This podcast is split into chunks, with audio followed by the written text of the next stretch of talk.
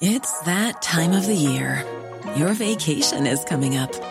You can already hear the beach waves, feel the warm breeze, relax, and think about work.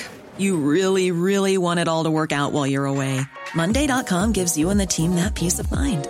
When all work is on one platform and everyone's in sync, things just flow wherever you are. Tap the banner to go to Monday.com. Many of us have those stubborn pounds that seem impossible to lose, no matter how good we eat or how hard we work out. My solution is PlushCare. PlushCare is a leading telehealth provider with doctors who are there for you day and night to partner with you in your weight loss journey. They can prescribe FDA-approved weight loss medications like Wagovi and Zepbound for those who qualify. Plus, they accept most insurance plans. To get started, visit plushcare.com slash weight loss. That's plushcare.com slash weight loss. Velkommen til aksjepraten her i Finansavisen. Med meg er Finansavisens aksjekommentator eh, Karl Johan Molnes. Og Karl Johan, i går så kom Norwegian med trafikktall. I dag er det Flyrs tur. Hva er din eh, vurdering? Nei, Det ser ut som Flyr har kommet godt i gang. Eh, det er fortsatt et lite selskap, men i det klimaet her, hvor du har et stort, upopulært selskap som SAS, så er det ideelt tidspunkt å starte på. Så eh, jeg tror ikke Flyr kunne ønske seg bedre tidspunkt å starte på. Så dette lover veldig bra. Jeg tror ikke man skal se for mye på tallene i detalj, fordi eh, det er oppstartsselskap, og det er, det er tidlig, og det er, vi kommer ut av en pandemi. Men Eh, det er et selskap hvor du gjør alt på en app og bestiller, og jeg har flydd med det sjøl. Det virker å finne sin naturlige plass i markedet. og Det virker å ha livets rett. Hvis, da, hvis SAS nå roter det til for seg sjøl, så blir Flyr en god nummer to til Norwegian eh, hvis SAS blir borte. Vi må snakke litt mer om SAS. De går jo nå inn i chapter 11. Når jeg tenker på chapter 11, så tenker jeg på sidrill og masse papirer og lange prosesser. Blir SAS eh, sin restrukturering like omfattende? Det er klart, når det er juridisk, så tar det sin tid, men, men eh, det vil gå, kunne gå mye raskere eh, enn uh, innen rigg, in rigg og innen oljeservice. Oljeservice har man ofte et uh, problem for hele bransjen, og at alle eiendelene har falt med 90% i verdi. og Noen ganger har det tatt sju år, andre ganger har det tatt 20 år å komme tilbake inn i balanse. Klart, mye tyngre prosesser, mye vanskeligere uh, å få gjort noe med det.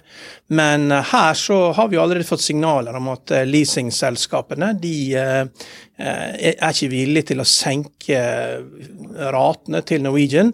Og Det betyr jo det at de vil ta tilbake en fly eh, fra Norwegian, steg, nei, fra SAS, steg for steg. Eh, eller i en samlet avtale med SAS. Og eh, da vil selskapet fort kunne bli eh, mye mindre. Så er jo det signaler også fra det politiske treffet i Almedalen i Sverige om at eh, svenskene har fått nok. Og, i Sverige så er det en helt annen beslutningsprosess enn i Norge. I Sverige er det sånn at vi kan gå og irritere oss over ting og, og konstant, men i Sverige så bygger man jo konsensus. Altså når Fredrik Reinfeldt ble statsminister i Sverige i 2006, så fortalte han til Financial Times i et intervju at nå skulle han ut og trakke over alle dørstokker i Sverige for å snakke med folk og finne ut hvilken politikk han skulle drive. Så han skulle snakke med alle organisasjoner og finne ut. Så nå har jo SAS uh, brukt ti år på å vise at de, den restruktureringsplanen man hadde i 2012 ikke fungerte. Svenskene har fått nok. De sier jo det at uh, i en restrukturering så det er jo ikke sikkert man trenger å rekapitalisere mer enn ett eller to av datterselskapene. Og når de sjøl sier det, så virker det som at de er ikke så veldig interessert i å være med på dette. her, og da vet, Vi vet at danskene er interessert, og Norge vil naturlig være interessert, for vi har et stort hjemmemarked. Men hvis svenskene er villige til å samarbeide med danskene om et felles selskap for uh, interkontinental uh, fly, så har man kommet veldig langt på veien i å sette opp et nytt SAS. Så er det også alltid et stort varseltegn i Norden når det kommer inn en utenlandsk sjef. Med en gang du tar en, en fra et annet land inn som sjef, så vet du at det, da er det alvorlige omstruktureringer på gang. Eh, jeg har ikke lyst til å nevne noen navn, men du kan gå tilbake og se på tilsvarende eksempler på andre nordiske selskaper når det har kommet sjefer fra utlandet.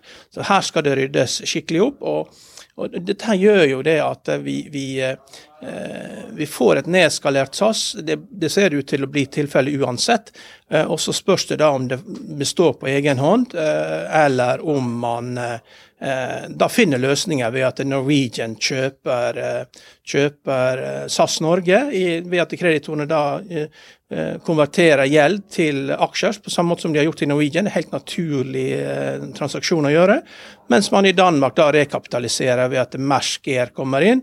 De har jo drevet flyselskap før, sammen med den danske stat. At du får et langdistanseselskap da, tuftet på den danske stat og, eh, og eh, Mersk Air. Og Da har man egentlig restrukturert SAS. Det kan gjøres veldig fort innenfor de Men man må selvsagt følge stegene som må gjøres her. Og Uansett så blir det færre jobber for piloter på langdistanse, fordi det flys mindre. Og da er det færre jobber.